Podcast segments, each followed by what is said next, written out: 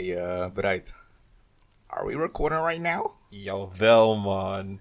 Dit is Dom Slim Podcast. We zijn weer terug. Ik denk uh, eerste mijlpaal, vijf afleveringen, man. Yo, we gaan hard, man. We gaan hard. Vijf afleveringen. Het voelt echt alsof we weet, vorige week of zo zijn begonnen met deze podcast. Ja, man. Het gaat snel. We hebben al uh, een toffe gast gehad. Uh, shout-out Naomi sowieso. Ja, man. Shout-out Naomi for coming through. En als je die titel hebt gelezen, dan zie je dat er weer een gast is. Yes. We hebben onze, onze good friend, Matti. Introduceer jezelf. Ja, man. Mijn naam is Setje, man. Setje. First time on the show. Yes. Ja, man. Welkom, It's welkom. An honor. It's an honor. Het moet gevierd worden, laten we Zeker, proosten, man. Proosten. Hey, man. Yes. We drinken melk. water, water, water. Amazi. Hey. Hij That's going uh, down in the book of lies. Gelijk exposed. anyway. Dus. is, uh, we, waren net, uh, we waren net door de stad aan het lopen. Mhm. En uh, Breit vraagt tegen mij, of hij vraagt aan mij van... Hey Chris, ga je kids later in CNA laten lopen? Ik zei sowieso. 100%. Ik, ik had, want we stonden bij de CNA, ik was even aan het pinnen. En ik dacht van, oh man, altijd toen ik klein was, alle kleding was gewoon van CNA. Of een- paar van, eh, van V&D, maar echt de meeste gewoon van CNA. En dat is sowieso bij, bij Afrikaanse ouders is dat Mm. sowieso bijna altijd het geval. Want CNA is gewoon, gewoon goede kwaliteit, Ja, maar ook ja. gewoon goed betaalbaar. Dus Ja man. Betaalbaar, kwaliteit en Ja. je kind ziet er gewoon netjes uit. Precies, dus ik dacht van laat me even checken. Want je hebt sommige mensen, ik zeg je eerlijk, hey, ze kopen echt tante dure kleding voor hun kinderen. Gewoon dingen die ik zelf niet eens heb, weet je. dat je denkt van, yo, deze, hij kan nog niet eens praten, hij loopt al in Fendi. Wat is dit? Ken je die? Gekke designer, die, die babyschoentjes toch? ja, die designer Ja, baby's Gucci, van die- 120 euro. Dat je Sommige van, ouders ze komen met dure oudjes voor hunzelf en ze kopen matchende outfits voor hun baby. Van, ik moet die Balenciaga's, Ja. ik moet die Gucci en mijn- mijn kind ook toch? Ja, man. Met Tim's moeten gewoon die van mijn kindje eh, matchen. Ik vind dat echt. eh, ik vind dat. Aan de ene kant denk ik dat het wel gewoon is voor die ouders, zodat ze op gewoon andere ouders kunnen stunten. Is alleen ja, voor ja, ja. jezelf? Dat is een beetje ook voor jezelf, toch? Want ja. is gewoon dat jij die je- ziet en denkt van... Ik ben baller op een baby geweest. Ja, man. Want, kijk, weet je, vroeger, back in the days... eh, nee, man. Ik had misschien hooguit Nike's en zo, maar... Mhm. Ik had geen eh, eh, Gucci, geen, zelfs Adidas was een beetje van dat ik dacht van, oh shit, Uh. gewoon Adidas hier gewoon, weet je maar. Ja, wel, ik had gewoon Vibra drip, gewoon, Hey, gewoon Vibra die drip, makkeloze man. schoen. Ja, gewoon. maar ik moest levelen. en mijn ouders wisten gewoon van, jij gaat Hey, toch buiten spelen in die schoenen. wat weet je van schoenenreus? Hey, Scapino. Wat, hey, Scapino. Bristol. Wat weet van je haren. Van, Weet je nog, haren. je had toch die, die ene met die, eh, je had toch die merk, zeg maar, met die rare vinkjes, zo'n soort van wannabe Nike-achtige. Ja. Die Celtic of zo heette het. Oh, je die... Oh, ja, man. Ja, man. Ik weet precies. Hey, dit was ook OG, man. Want die schoenen waren goed, hè. Want je ging gewoon buiten spelen met die schoenen. Voetballen, klimmen, dit, dat, modder, alles. Je komt gewoon thuis. En, Kijk, ja. onze ouders waren sowieso slim, want ze dachten van, klaar. Waarom ik, kan, ik kan zes van deze kopen per jaar. Je kan, draag maar, neem maar mee naar buiten, maakt niets uit. Juist. maar alsnog waren ze van, hé, hey, waarom maak je je schoenen vies, dit en dat. Maar ze wisten van, hé, hey, even lekker op deze besparen. Jij zei net van, ja, eh, ik had wel Nike's en zo, bro, ik moest levelen. Ik begon echt laag, laag. Real, for real. Echt, Heb ik ook gehad. Weet je, op een gegeven moment, voordat ik zelfs bij die stap van Nike's kwam, moest ik nog net iets daaronder. Vroeger was ehm, zo'n merk heette Le Coq de Sportief. Ze hadden ook op een gegeven moment hadden ze ook wel gewoon. Nee, maar Le Coq was niet zo... De kok was niet... Nee, nee, nee. Dying. Het was Dying. niet zo Het- dying, maar het is het niet was. niveautje Vibra. Ja, ja, precies, dat bedoel ik. Het was zeg maar. Oh, die tussenstap. Die tussenstap, Ja, net ja, ja, voordat ja. je echt naar die merk-merk ging. Want Mhm. Le Coq was ook merk, maar ook weer een beetje zo'n Ja, B-merk. Ja, got you. Voordat je. Voor mij was dat Umbro, man. dat Umbro, was mijn. Hey, Ik dat heb was nog steeds voetbalpapa. Umbro shirt, hè? Ja, man. Ja, man. Maar als je echt jong bent, het maakt niet uit wat, wat voor patta je hebt. Je wilt het liefst gewoon die patta die licht geeft. Of eentje met Pokémon erop of zo, weet je? Ja, Die man. glow in the dark zo. Juist. Elke keer dat je een stap zet, oh kijk, ik heb lichtjes. Je denkt niet van, gekke. Ja, man. Maar er waren jongens vroeger gewoon die in de klas gewoon kwamen met gekke. Gewoon die, Air Max. ja, oh, die, exclusieve Oh, Air. Jordans. Dat je dacht Carl van... Kani dingen. Ja, oh mijn man. god. Ik ga je eentje zeggen. Ik had een klasgenoot. Groep 6. Die man had niet één. Volgens mij was het misschien zelfs groep 5. Hij had niet één, niet twee. Had drie Prada patas. Drie. Oh, daar gaan we naartoe dan. Groep 6. Groep 6. Wat? Groep 6. Hij was echt jong, hè? Eh, Ik kan het niet, ik kan het niet begrijpen. Het, Ja, moet, het moet nep zijn. Ja. Of ze, een van zijn eh, ouders had een, Export of iets. had, of een, had een extra inkomensbron. Ja. Want mijn ouders zouden dat never buyen. Nooit. Ik had sowieso vroeger had ik eh, eh, klasgenoten die ehm, veel dure shit hadden in vergelijking met Ja, mij, man. weet je. En uh, over het algemeen, ja, ik kon daar gewoon wel mee leven. Maar op een gegeven moment was er een, een guy uit mijn klas, dit was volgens mij groep 6. Hij, had, eh, hij kreeg altijd phones van zijn vader. Dus had, Op een gegeven moment had hij ook die ehm, Nokia-phone. Was niet eentje die uitklapte, maar hij schoof naar de zijkant. Ja, ja, ja. Ken je ja. die? Mm. Die, die, ja, die schoof naar de zijkant en dan werd het gewoon één lange Ja, Nokia Ja, toestel. ik weet precies wat. En op een gegeven moment, hij zei tegen mij, ja, je mag deze hebben. Dus ik dacht van, ah, goeie, goeie. ik neem die mee naar huis, weet je. ik kom thuis, mijn vader ziet die telefoon. Hij zegt, van wie is die telefoon? Ik zeg, eh, ja, ik heb gekregen man, van mijn klasgenoot. Hij zegt, wat? Van, van jouw klasgenoot?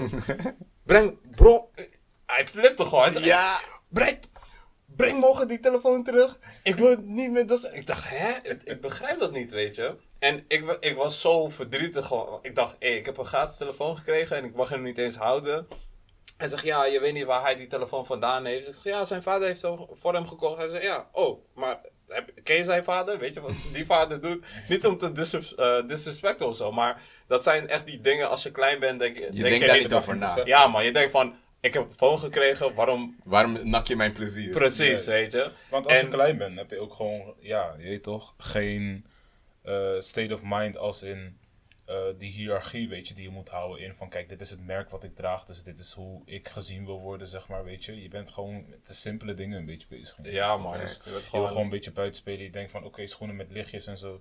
En zo zie je wel dat mm, hoe ouder mensen worden, hoe meer ze bezig zijn met Ja, man. Zijn, elkaar sowieso, uitstunten en zo, weet je. er zijn sowieso veel dingen, nu ik wat ouder ben, dat ik daarop terugkijk en ik denk van, damn, maar als het echt gelijk met dat soort Ja, dingen, tuurlijk. man. Want wie weet, ik weet niet eens of hij het van zijn vader, misschien had die vader het gekregen van iemand, maar was die telefoon gestolen of zo. En was ik daarmee aan het spelen. Als, als er uiteindelijk politie bij mijn vader had aangeklopt, dan had ik sowieso die bij. asswhooping gepakt, weet je. Ik had al bijna die asswhooping, omdat ik een random telefoon had aangenomen. Laat staan die asswhooping als de politie aan de deur kwam kloppen, weet je. Ik had in, op de basisschool ergens een telefoon gevonden. Gewoon random. Het was niet eens tijdens schooltijd. Ik was gewoon in het weekend buiten aan het spelen. Ik vind opeens een Sony Ericsson. Ik dacht, lit! Hey, je boy is lit. Ik heb eindelijk een pokkie. Like. Ik kom naar huis. Mijn moeder zegt, hoe kom je aan die telefoon? Wat?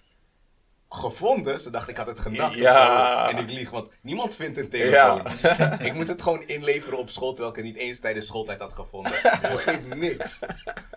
Of wat ik sowieso niet begreep vroeger. ehm, we kregen altijd zeg maar van die reclamebladen eh, in onze eh, brievenbus, Oh, toch? ja, ja. En dan was ik die dingen aan het scrollen en... Scrollen, hoor mij scrollen. Was ik gewoon door die dingen aan het bladeren. ik Ik ging het liken. Ja, sharen. Ik kom het nog onder kruid van het folder. Dus dan was ik op een gegeven moment eh, die folders aan het lezen van, eh, weet ik veel, van KPN en, eh, en hoe heet die andere shop? De phonehouse. Phonehouse en Bell Hi Company, en zo. En Er stond dan zag 0 ik- euro. Ja, stond zag 0 0 euro. euro. Gratis. ik dacht, hè? Je ik, gelijk in je laat ouders zien, mag ik deze? Mag ik Hij deze? zegt nee. Ja, maar, staat Maar het is gratis. ik begreep die nooit, man. Ik, ik was altijd zo vroes door die. Ik dacht, maar hier staat gratis. Ja. Hij zegt, nee, je begrijpt niet. Het is niet gratis. Maar je hebt nog niet echt door wat dat concept is van... Je, betaalt geen toestel, Ja, maar je betaalt maar je betaalt die abo. Kleine weet je. letters 101, weet je. Hè? Kleine letters 101. Ja, man. Daar Het is echt... bij. Maar dit, dit was echt gewoon klein, domme jongens 101. Want we wisten, we wisten het echt niet, man. We wisten echt niet wat daarachter zat. Wat voor, voor, eh, voor die model daarachter zat. Dus ik was man. altijd van... Hey, dat is echt gek om te beseffen. Ja, man. Want En- ik heb ditzelfde gesprek met mijn moeder gehad en ik begreep het niet, maar Nooit. now it makes sense. Ja, man. En dan had ik... Dan dacht ik ook van... Oké, misschien is het niet deze. Misschien is deze te. En dan dacht ik van, oké, mag ik deze dan? Deze was dan wat goedkoper of zo. En dan zei hij nog steeds nee. En dacht ik van, hé hey man, waarom, waarom is mijn pa zo vroes? Waarom, waarom mag dat niet, weet je? En ja, dat zijn die dingen... Je wordt ouder, je wordt wijzer. je wordt ouder, damn. je wordt meer exposed aan kapitalisme. Je begrijpt gewoon van... Damn, hoe gekke. Everyone is Ja, for himself, man. you know. Weet je, Ja, hoe je het pakt. eh De- zo- die quote, die quote sowieso van, van mijn vader, gewoon als een Afrikaan, die was altijd van, Breid, ik kan je zeggen, niks is gratis in Europa. niks is gratis in Europa. Er zit altijd wat achter, of, weet je, kleine letters hier en daar. En, Meerdere eh, addertjes onder het Ja man, ja, man. Kom je later achter. Shit. Hoe oud waren jullie toen je je eerste telefoon kreeg? Poeh, ehm, ik weet nog wel dat ik die robuuste Nokia had gekregen van mijn vader, weet je. Mm, En ja, iedereen weet het. eh, ding- wat kan ik nog vertellen over die telefoon wat nog niet is verteld, man? dat ding, Dat ding is legendary, mee. man. Je ging eh, gooien met dat ding. eh, hij valt uit je zak, je trekt wheelies op je fiets. Je valt van je fiets, hij valt uit je fiets, hij doet het nog. Ja. En dat is altijd die telefoon die ik zeg maar bij me moest hebben om zeg maar buiten te kunnen spelen. Van als iets Mm. is, kon ik altijd mijn vader bellen, weet je. Ja. Hij was gewoon protective van, weet je. Als mensen wat dan ook proberen, moet je mij gewoon kunnen bereiken. Dus, en hoe oud was ik toen? Ik was negen jaar. Negen jaar had hij mij die telefoon gegeven. En eh, ik weet nog dat ik mijn eerste smartphone. eh, smartphones waren er al sinds dat ik eh, ja, 15 was zo. Toen ik 16 werd, werden ze echt populair met die pinktijden en zo, weet je wel. Mm. Maar dat is een whole nother topic. En weet je, die echte smartphone experience had ik pas wel echt op mijn 17e meegemaakt. Ik had het ook best Weet wel je, laat, best best wel mijn laat, eerste zeg echte telefoon. Ik had wel altijd, zeg maar, dan had mijn oom of zo, die had mij dan een telefoon gegeven die ik mocht hebben. Als hij een nieuwe had gekocht, dan was het die Sony Ericsson, die. Ja, je ja, waarschijnlijk ja. Die Sony Ericsson die altijd tante goede speakers had voor zo'n telefoon, Ja, weet je. En waar je muziek op kon zetten. Die Walkman, die Sony yes. Ericsson Walkman. En ik weet nog dat, ehm, dat een klasgenoot van mij, Ahmed heet hij, had altijd de nieuwste phones. Had elke, elke paar maanden had hij gewoon weer een nieuwe phone. Dat ik dacht van, damn man, waarom krijgt hij dit van zijn ouders en ik niet? en op een gegeven moment had hij een ehm, ehm, Samsung D500.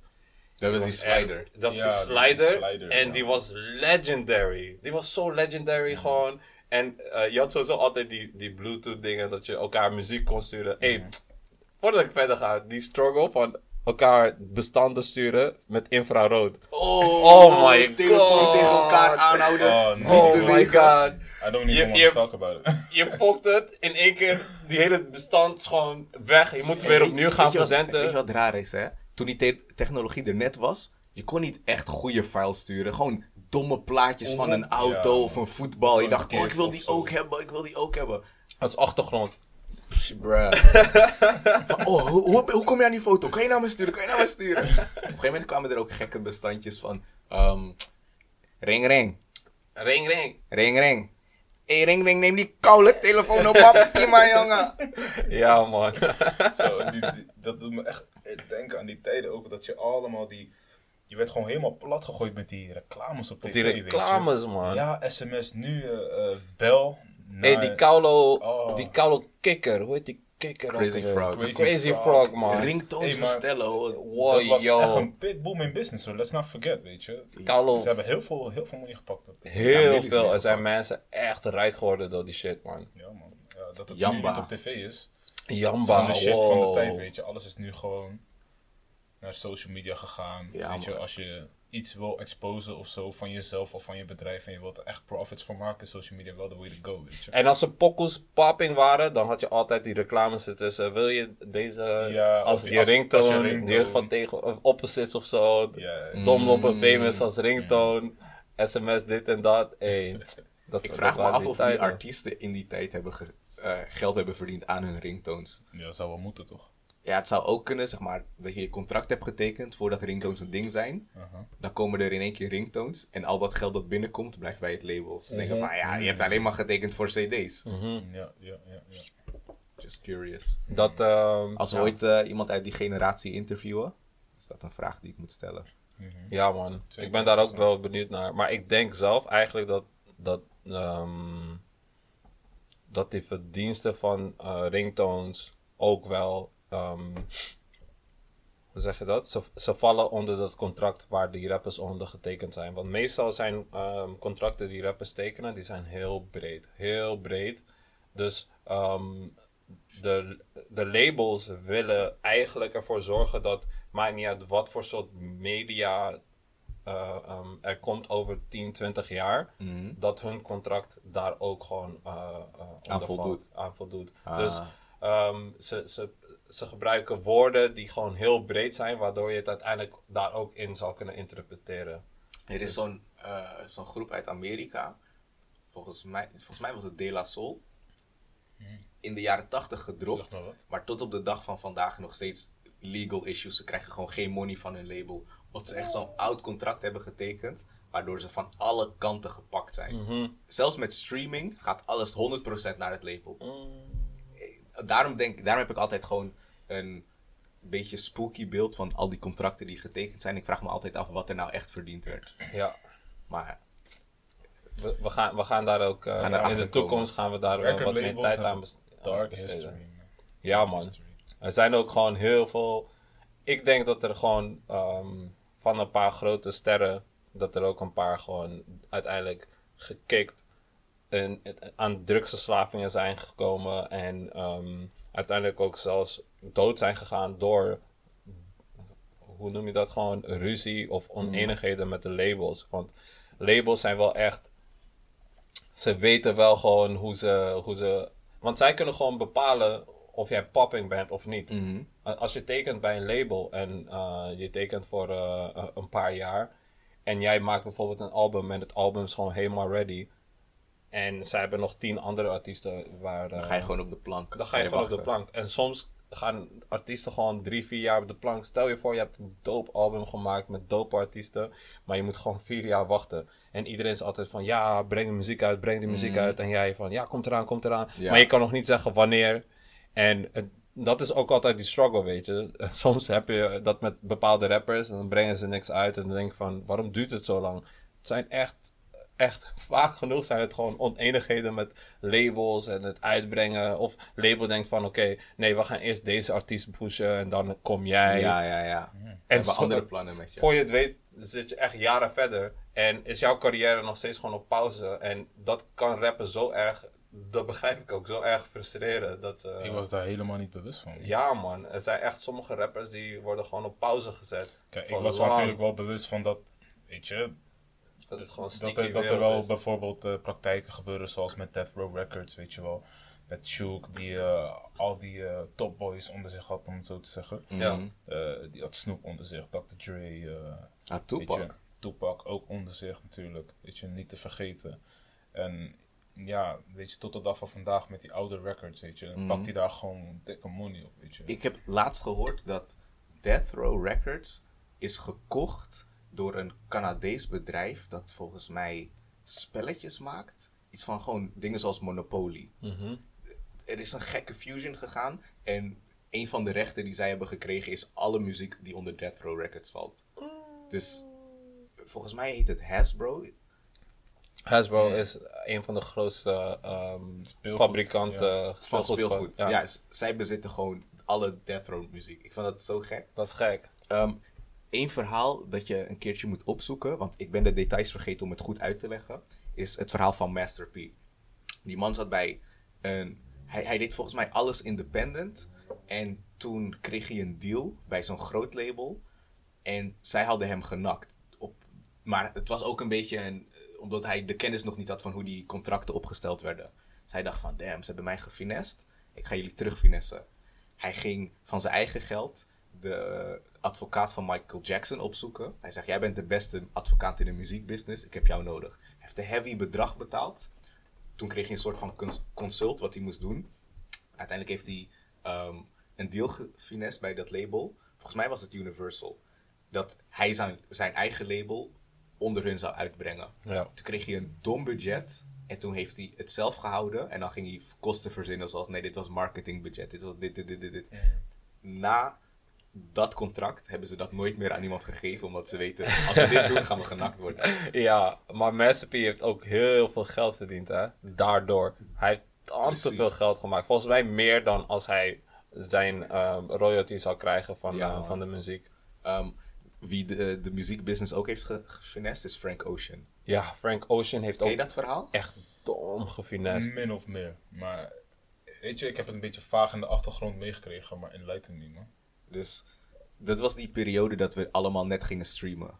Dus toen had je veel eh, exclusieve deals. Dus ehm, dit album zou de eerste twee weken alleen op Apple Music staan. Of dit album alleen op Spotify. Hij dacht, oké, ik zit nu bij een contract. Of ik heb een contract waar ik niet de rechten van mijn eigen muziek bezit. Maar ik heb nog een contract voor één album. Dus hij heeft een soort van nep-album gemaakt. Dat heeft hij als Apple Music exclusive gegeven. Nadat dat neppe album online stond, heeft hij zijn echte album gedropt. Maar daar was hij zelf de eigenaar van. Dus iedereen had het eerste album gecheckt en dacht van... Hè, fucka Frank, is dit het? is het? En toen kwam dat echte album en hij heeft al die cash gepakt. En ehm, ook na die situatie zeiden al die muzieklabels in Amerika... we gaan nooit meer Apple Music exclusive doen, nooit meer Spotify exclusive... want die artiesten gaan ons sausen. Sorry. We gaan dit soort dingen doen. Jij kan ook gewoon zeggen van, oké, dit is mijn album. Ik heb hier al jaren uh, aan gewerkt. En label denkt van, ah, dit wordt hem. Ze droppen het. Maar je hebt Loki nog dat tweede album, wat veel beter is. Waar die echte pockets op zitten. En dan zorg je ervoor dat jij eigenlijk niet meer uh, onder dat contract valt. En uiteindelijk jouw, jouw beste album zelfstandig kan uitbrengen of bij een ander label. En besef, je hebt al die promo gekregen door die situatie die er omheen stond. Dus je, hoeft, je hebt niks betaald aan promo, alles gewoon gratis geregeld. En zodra journalisten achter zo'n grote finesse uh, komen, dan gaan ze het sowieso extra belichten in het nieuws. Ja, en tuurlijk. vertellen. Elke YouTube-kanaal gaat daarover praten. Weet je, dat is gewoon alleen maar meer en meer publiciteit. Want daarom heeft Frank Ocean wel echt. Hij heeft het echt heel erg. Ja, man. hey, als jullie kids zouden hebben hè, in Amerika en die kinderen zouden een soort van Hollywood kindacteur willen zijn, zou je dat supporten hun droom of zou je ze weghouden van die life? Ja, het ligt er maar net aan, hè. Het ligt er net aan wat voor rol ze gaan eh, bekleden, om het zo te zeggen. Want, ehm, ja, ik zou bijvoorbeeld het niet fijn vinden als ze te veel met een privéleven, weet je? Die reality show-achtige dingen, zo te veel eh, zouden belichten met wat wij in het dagelijks leven doen. En eh ze komen voor met de camera bij ons binnen. Is- misschien is dat een, een realistischer voorbeeld. Stel je voor dat kind gaat vloggen, maar het krijgt gewoon duizenden views. Ja, wat vlogt die? Ze- eh, gewoon, ik zit thuis eh, met vrienden, whatever. Maar het is Of, gewoon een- of om hem anders te brengen, maar op een manier waar, waar je niet zoveel aan, eh, ehm, aan andere eh, opties moet denken. Stel je voor, jij bent een bekende eh, YouTube-vlogger. Je hebt eh, een miljoen subscribers. Nee, 5 miljoen subscribers. Dus je bent echt bekend. En ehm, je hebt een zoon. En jouw zoon is twee jaar. En jouw zoon zit ook in die vlogs. Snap je? En op een gegeven moment denk je van... Oké, mijn zoon is eigenlijk te jong om nu in die vlogs te zitten. Wie weet wil hij niet eens in deze wereld zitten als hij wat ouder is. Dus ik, ik zet hem niet meer in die vlogs. En later, je zoon is eh, ongeveer eh, eh, 12 en hij denkt van... Pap, ik wil ook eh, vlogger worden. Wat zou, je, wat zou je zeggen? Hij is nog niet eh, zelfstandig genoeg om die beslissing te maken. Wat zou je zeggen? Ehm, ik zal hem eerst natuurlijk hè, alle positieve kanten hè, van het vloggen laten weten, maar ook de negatieve kanten die erbij komen kijken, weet je. Je geeft gewoon een deel van jezelf vrij aan de buitenwereld, eh, een deel van je privacy, weet je. En eh, voor privacy is voor verschillende mensen wat waard, weet je. Voor de ene wat meer dan de ander. Voor mijzelf is privacy best wel wat waard, weet je. Ik vind het wel fijn om gewoon Anoniem over straat te ja, anoniem over straat te kunnen lopen. Vooral dat ja. En eh, natuurlijk, hè, kijk, een beetje bekendheid, dat, dat, dat ergert me niet. Maar als mensen op een gegeven moment ook zien hoe je leeft, je lifestyle. En ja, je, maar, wat je voor ook, mij- maar wat je ook moet beseffen is, als je 5 miljoen subscribers hebt, dan heb je niet alleen bekend, eh, bekendheid, maar je hebt ook gewoon veel geld. Want je hebt heel veel sponsordeals. Dus jij leeft gewoon goed. En jouw zoon heeft de kans om vanaf jongs af aan die kans te pakken om door te groeien. En eh, eh, ook daar gewoon een stabiel, heel stabiel inkomen mee te Hey, pakken. maar weet je wat veel mensen doen? Dat is eigenlijk omgekeerd. Die kinderen hebben er niet per se zelf behoefte aan, maar die ouders die gaan hun soort van pimpen. Omdat ze Ja. weten, hey, als we- Net als Ryan Toys Review. Hij is eh, de hij is grootste... een miljonair. Ja, Hij heeft, hij heeft de meeste zaal gepakt vorig jaar als YouTuber. Hij is iets van zeven jaar of zo. En hij heeft echt miljoenen gepakt. We hebben het hier niet over eh, twee. Echt miljoenen heeft hij gepakt. Ik weet niet meer precies hoeveel, maar hij heeft echt Kijk, dom veel zijn- geld gepakt. Dat zijn overweegbare bedragen. Weet je? Dus, kijk, als je over een paar miljoenen praat per jaar, ja, dan zal ik wel gaan vloggen, weet je. Ja, maar ja, ik ja. zou natuurlijk gewoon de hele game mindgamen, weet je. Hoe Gewoon- dan? Dus gewoon, weet je, de setting een beetje net wat anders zetten dan dat het in werkelijkheid zou zijn. Weet je, dus eh, dat ik net wat meer views pak. Of eh, toevallig eh, breekt er ineens een ruzie uit tussen twee siblings en dan komt dat ineens op de vlog. Maar terwijl ze in het dagelijks leven helemaal nooit ruzie hebben, weet je. Maar Ja, gewoon puur Je gaat gewoon, gewoon sensa creëren. ga gewoon sensa creëren. Tuurlijk, Als we over millies praten, waar hebben we het over? Even die, die Ryan Toys review. In 2000, ik was echt een gekke review. Reviewer. Die Ryan's Toys review had in 2017 11 miljoen gemaakt. In 2018 22 miljoen. Is 2018. Laat staan dit jaar hoeveel hij gaat maken. Oké, en eh, eh, waar haal ik zo'n eh, vlogcamera en zo met zo'n stick? hij, gaat, hij gaat gelijk even werken aan dat kind. Ik ga weet je? hij gaat gelijk even, even Jimmy appen. Yo, Er wordt nu geappt van, hey, je had toch die baby fever? Let's get it. Ik heb een uh, lange termijn visie. Hey, ik jaar over negen maanden, mijn boys. oh, hey, dus, dus wij, niemand van ons heeft nog kids. Nee, man. Stel je voor, ehm, je krijgt dan wel een kind. Vanaf welk moment ga je diegene op social media posten? Dat is iets waar ik soms over nadenk. Van. Sommige ouders zetten direct alles online. Yo. Je ziet nog een pissie Je bloed ziet, op dat ja, gezicht. je ziet nog net niet die, Je die ziet vagina open gaan. Gewoon. Je denkt van, oh, yo, die- jouw kind is echt net gewoon fresh, die- fresh out of the oven. Gewoon. Het kind je? is gewoon... Je ziet nog die dingetjes, zeg maar, weet je, dat ze krijgen bij geboorte op die ja, voorhoofd en juist. zo. Je ziet nog die- Facebook. Bro, nog net geen placenta op die Facebook gewoon. Je denkt van, hè?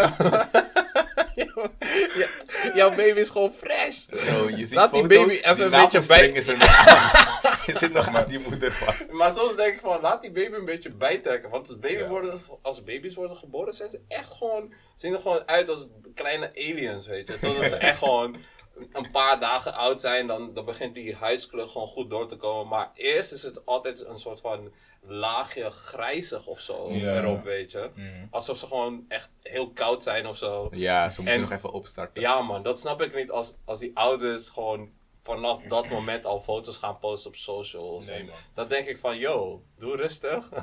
Persoonlijk zelf zou ik gewoon mijn kind. Ja, kinderen vinden het altijd wel leuk om een beetje met volwassenen mee te doen, toch? Want we hebben altijd ook wel die druk gehad, weet je. Met, eh, eh, ja, denk maar aan. Denk maar aan bijvoorbeeld GTA San Andreas of zo, weet je. Iedereen moet dat gespeeld hebben en zo. En als je niet had gespeeld, was je zeg maar die wanker van de klas of zo, Ja, weet je. ja. Dus het was gewoon van, oké. Ik zou zeggen GTA eh, Vice City. San Andreas waren wel best wel ja, dat klopt. ouder, 2004 was San Andreas, ja. klopt, Ja, man. En, eh, ja, ik zou mijn kind denk ik maximale leeftijd verbieden van social media. Ik denk acht jaar. En dan mogen ze wel bijvoorbeeld een Facebook of wat dan ook openen. Maar ik hou het gewoon nog in de gaten, weet je. Ja. Dus ik, ik heb hun wachtwoord en ik kan gewoon inloggen op hun account om gewoon te kijken waar ze mee bezig zijn. En als ze ja, 14 jaar zijn of zo, 15, dan geven ze steeds meer wat meer vertrouwen van oké, ja, ga maar je ding doen. Nu ben je wel bewust om te weten wat je wel en wat je niet kan doen. Yo, dit had ik vorige keer nog eh, tegen Chris gezegd. Eh, niet op de podcast, maar shout-out naar Apple, man. Apple heeft dat wel echt heel goed gedaan. Ja. Want ze hebben, zeg maar, in die iOS hebben ze... ehm, ze hebben gewoon limitaties die je aan je familie kan zetten. Dus stel voor, jij bent de vader van het gezin en je, je vrouwtje, die zijn zeg maar de eigenaren van dat account. En in dat account kan je gewoon je, je gezin zetten, dus je kinderen. En dan kan jij gewoon instellen van hoe vaak per dag of hoe lang per dag ze op bijvoorbeeld Instagram kunnen en wat voor soort eh, beeldmateriaal ze kunnen zien. Dus leeftijdsrestricties kan jij gewoon lekker aanpassen en je kan zien als zij een game willen kopen of zo, hoeven ze niet aan je hoofd te komen zeiken. Ze, ze suggereren die aankoop en dan moet jij die aankoop goedkeuren. Dus zij, Ik zag een, eh, een foto waar zo'n kind iets van die restricties had omzeild. Ehm, dat kind kon volgens mij zoveel minuten per dag op YouTube. En toen kwam hij erachter, als ik mijn mattie ga i- iMessagen, en ze vraagt, kan je me een link sturen? Kan ik het in iMessage openen? Dus toen ging je gewoon zo eromheen. Ja, ehm, het is gewoon matter of time voordat Apple die ook gewoon blokkeert. Besef, een kind heeft het systeem gefinest. Yo, en maar eerlijk, eerlijk, wij hebben ook gewoon dingen gefinest toen we klein waren. Dood. Soms Ja, echt. zeker. Shout out naar de eerste aflevering, man. Dat- Die shit vergeet ik sowieso niet. Ja, je weet het. Man, toen, eh, ik weet nog, ehm, op de middelbare school had ik echt sommige momenten. Want ik had, ehm, voordat ik zelfs een telefoon kreeg, kreeg ik een, eh, eh, zo'n MP, niet een MP3-speler. MP3-speler kreeg ik, maar op een gegeven moment kreeg ik een MP4-speler. En daar had je zeg maar ook beeld en video. En je kon ook tekst erop zetten. Dus soms hadden we gewoon een toets en dan dacht ik van, hmm, die MP4-speler is wel echt klein. En ik kan ook gewoon dingen zien, weet je. En dan was het ook niet dat ik niet had geleerd of zo. Maar ik weet niet, dan dacht ik ook van mezelf van... Zou het lukken om tijdens die toets ook nog een beetje van mijn MP4 te lezen? Die antwoorden te spieken en zo. Dat waren echt gewoon die dingen die ik eh, op een gegeven moment aan het uitproberen was, weet je. En ik was sowieso een beetje een geek, dus... Ik leerde mijn klasgenoten dat soort dingen ook. Dus op een gegeven moment echt iets van vijf, zes andere vrienden van mij hadden ook een MP4-speler. En ze waren gewoon bijna bij elke toets hadden ze gewoon alle, alle begrippen, alle aardrijkskunde, biologie begrippen, hadden ze gewoon tijdens die toets gewoon op een MP4. Mijn docent had op een gegeven moment iets van vier MP4-spelers gewoon ingenomen, omdat ze gewoon, Oh, iedereen had ze gewoon, en zij had op een gegeven moment door van, yo, deze kinderen zijn me echt aan het finessen, want hoe gaan ze allemaal negen? En de hele tijd zijn ze aan het giechelen na die toets. Dus op een gegeven moment had die docent dat door, weet je. En ja, als ik denk aan dingen finesse, denk ik ook aan dat soort eh, schoolpraktijken, man. Ik heb op school op een paar keren echt gewoon zo heavy afgekeken. Soms dan ging ik. Een, ik, volgens mij tweede klas Duits was mijn eerste jaar Duits. Ik was zo slecht in Duits. En ik had er een hekel aan. Dus ik weet niet of ik slecht was omdat ik een hekel had. Of dat ik een hekel kreeg omdat ik slecht was. Maar ik besloot gewoon, ik ga deze toets niet halen. Ik ga mijn boek erbij houden. Ik heb die hele toets met mijn boek gemaakt. En op een gegeven moment kwam de docent er soort van achter.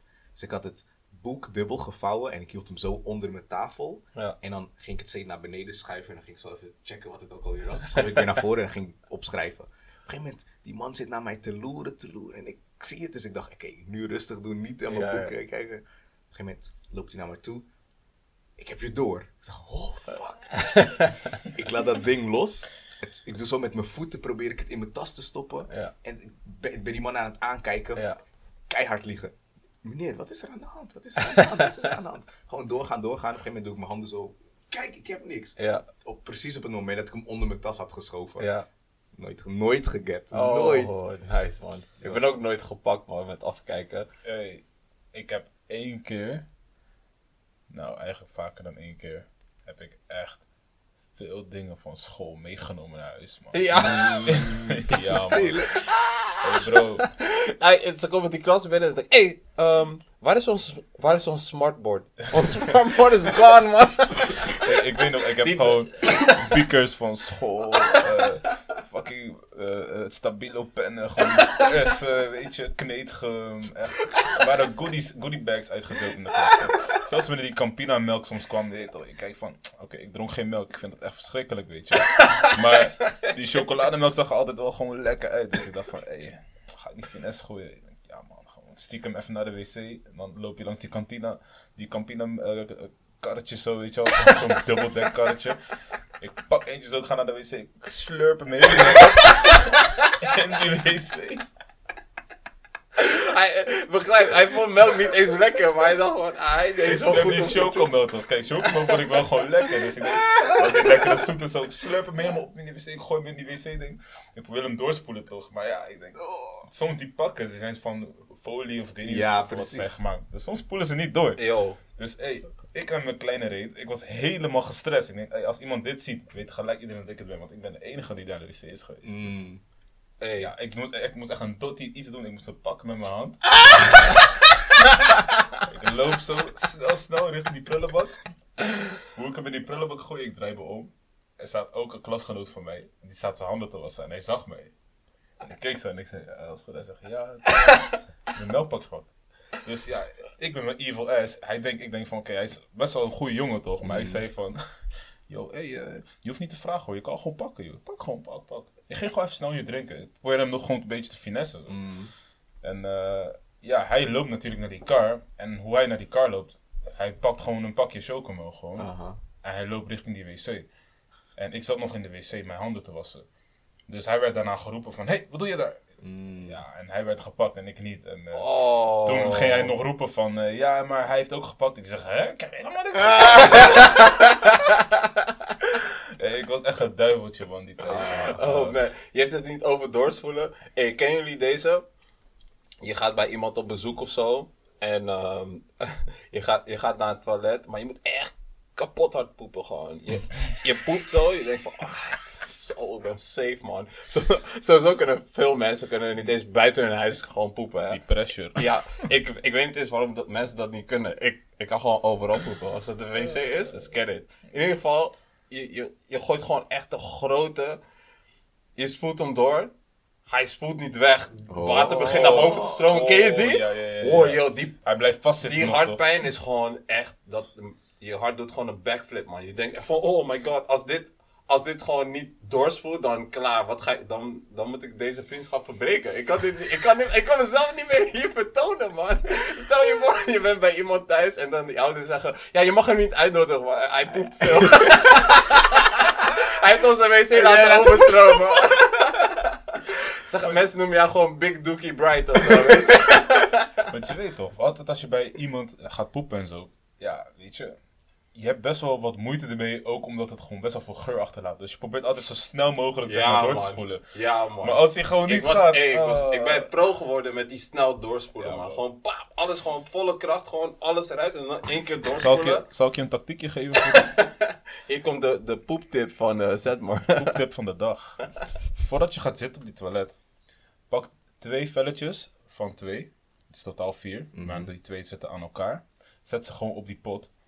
En dan als je gaat poepen... Op het water, toch? Ja, ik doe die Juist. altijd. Dan Die hoef je ook niet meer die vieze borstel te pakken in die hoek, weet je. maar die sowieso, want ehm, eh, vroeger had ik altijd gewoon een wc met Een zo'n... dripper.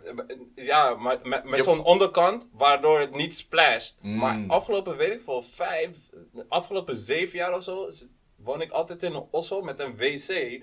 Die gewoon recht gewoon in het water. Als je poept, gaat gewoon recht in het water. Dus je moet altijd, altijd uitkijken, weet je. Dus nu gooi ik altijd gewoon eerst wc-papier erop. En dan pas gooi ik in Ja, man. Anders, Ja, eh, Ja, maar dat doe ik ook. anders is echt awkward, man. Anders, anders komt dat water zo omhoog. Het heet Ja. je nog precies in je... Je denkt nog van, know, man. Ik denk van, ah shit. It's harassment. Het is nog echt harassment, man. Het is nog koud, man. Je denkt van, I know.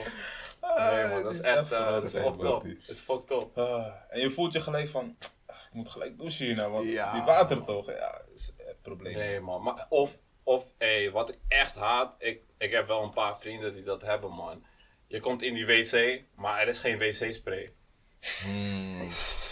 Lastig. Dus zeg maar, jouw neus doet het niet of zo. Gaat, of, hoe, hoe heb je geen wc-spray? Als je geen wc-spray hebt in je osso, en Dan heb je gewoon één gekke ventilatiesysteem of zo, waardoor het Nee man, gewoon een normale wc, geen wc-spray. Dan, dan, dan misgun je eigenlijk de mensen die bij jou bezoek komen en willen poepen. Want je weet sowieso, die mensen kunnen niks sprayen. Ja, man. Dus ze gaan sowieso heel van, awkward hey, die wc Als je in. En, dan- strijder, warzone. ik zeg ook altijd, moet er iemand naar de wc? Want ik ga wel even, ik ga deze even kapot maken man. Dus als iemand moet gaan, moet hij nu gaan. Dus weet je wat echt fucked op is? Diegene die dus geen wc-spray heeft, hij is ook diezelfde guy dat als je eventjes bent gaan poepen en je hebt door dat je zeg maar geen wc-spray daar hebt. Je bent weer gaan zitten, hij gaat even misschien drinken pakken of zo of iets Ja. en hij loopt langs die wc. Hij schoot kapot, kan, hey, heb je gepoept? en ik denk, denkt, ja man, hij stinkt hier. Dat zijn die mensen die, jou, die willen jou gewoon confronteren. Juist. En die Op het feit dat je gewoon ah, iets doet wat de Ik- normaalste zaak van Misschien de zijn dat de mensen die willen weten welke mensen in hun osso poepen gewoon. Weet je, dat ze weten van oké, hij voelt zich op zijn gemak of eh, zij voelt zich op haar gemak in mijn osso. Dat ze gewoon eh, naar de wc gaan. Nou, ik zeg wel altijd, als ik bij Matties ben Ja. en ik heb daar voor het eerst gepoept, zeg van, hey, eerste nieuw level van onze vriendschap, man. Bij je ossel ben geweest, Strong bond. Je moet gewoon vanaf het begin moet je die vriendschap gewoon securen. Gewoon die eerste dag gelijk, bah, bam, hey. Nou, maar soms moet je niet toch? Als Soms moet je kunnen we geen matties zijn. hey. Als jullie, ehm, als jullie gewoon eh, bij een meid voor het eerst ehm, bij hun osso zijn, laten jullie scheten en zo? Of houden jullie dat echt in tot, tot je haar echt goed kent? Hoe zit dat? Kijk, ik ben best wel een, weet je, grof persoon, zeg maar, weet je, in dat opzichte. Maar de eerste keer hou ik het sowieso in, man. Ja? Ja, man. Ik wil die Aiba gewoon niet hebben met die ouders en zo. Die denken van, nou, je komt met die jongen thuis, eerste wat hij doet, hij laat één vieze damp. Ik heb het ook niet over, je bent bij haar. Jij, loopt, jij loopt naar die keuken, je laat toch door een scheet of zo. Nou, tijdens Ik heb het daar, ja, tijdens dinner aan de Dus, eh, eettafel. Zet maar, hoe kennen jullie elkaar opeens?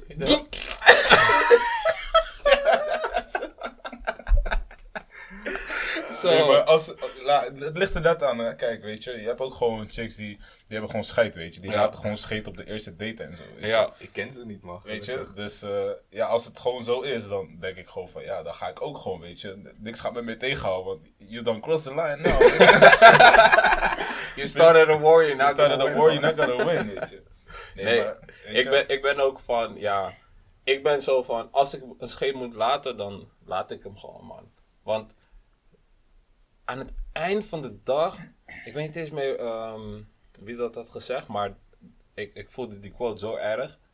Zeg maar, ehm, die guy was aan het praten over het feit van, poepen is gewoon een van die dingen die ons allemaal echt humble maakt. Want niemand... Humble. Humble. Humble. hey, het humbelt je echt. Want je kan miljardair zijn. Je kan 50 miljard hebben. Ja, iedereen vindt jou top. Je bent die business guy. Je bent dit en Maar dat. wanneer je tegelijk uit Maar- de wc-hokjes komt, dan van, damn nigga, you shit. Ja. of, you? of, het feit, of het feit zeg maar, dat jij die biljonair bent. En jij weet gewoon, jij bent die hele guy. Maar uiteindelijk, aan het eind van de dag of het begin van de dag, maar niet uit wanneer. Als jij op die wc zit, dan denk je echt van, ah man, I'm still a person. Want uiteindelijk, als je, als, je, als je moet poepen, dan ben je gewoon gelijk net als alle andere miljarden mensen op aarde. Want het, is niet zo dat de elite anders poepen dan wij. Zij hebben ook gewoon een wc. Mm. Misschien een, een, een gouden pot. Zij moeten ook met hun eigen anu vegen. Ja, of niet? misschien misschien misschien Eddie Murphy niet. Maar dat is. eh shout out naar de mensen die Coming to America hebben gezien. The royal penis is clean, your, Your highness. Highness. Thank you. King shit. Man. Maar eh, ja, poepel handeltje, man. Ik zeg je. Als ik met, stel je voor, ik ben op een date en ik voel iets komen, dan hou ik hem in en dan wacht ik gewoon tot hij echt heavy is. Dan ga ik even snel naar de wc en dan ga ik gewoon, probeer ik alles eruit te eventjes cleansen en dan ga ik weer terug. Ik, ik kan niet zeg maar, terwijl, terwijl ik mijn eigen geur voel komen van, damn, deze stinkt wel erg, laat me doen alsof ik het niet was. Ja. Kan niet man. Nee, man. Ik, dan moet je hem ook gewoon ownen. Ja, dat is wel de beste strategie daarvan. Ja, man. Je kan, hem, je kan hem beter ownen en er iets grappigs van maken of zo. Dan doen alsof je niet doorhebt hoe erg die stinkt of zo. Of whatever. Als ik met vrienden ben, hey, pff, je gaat precies ruiken. ik had één keer dat we in de auto zaten met z'n vieren.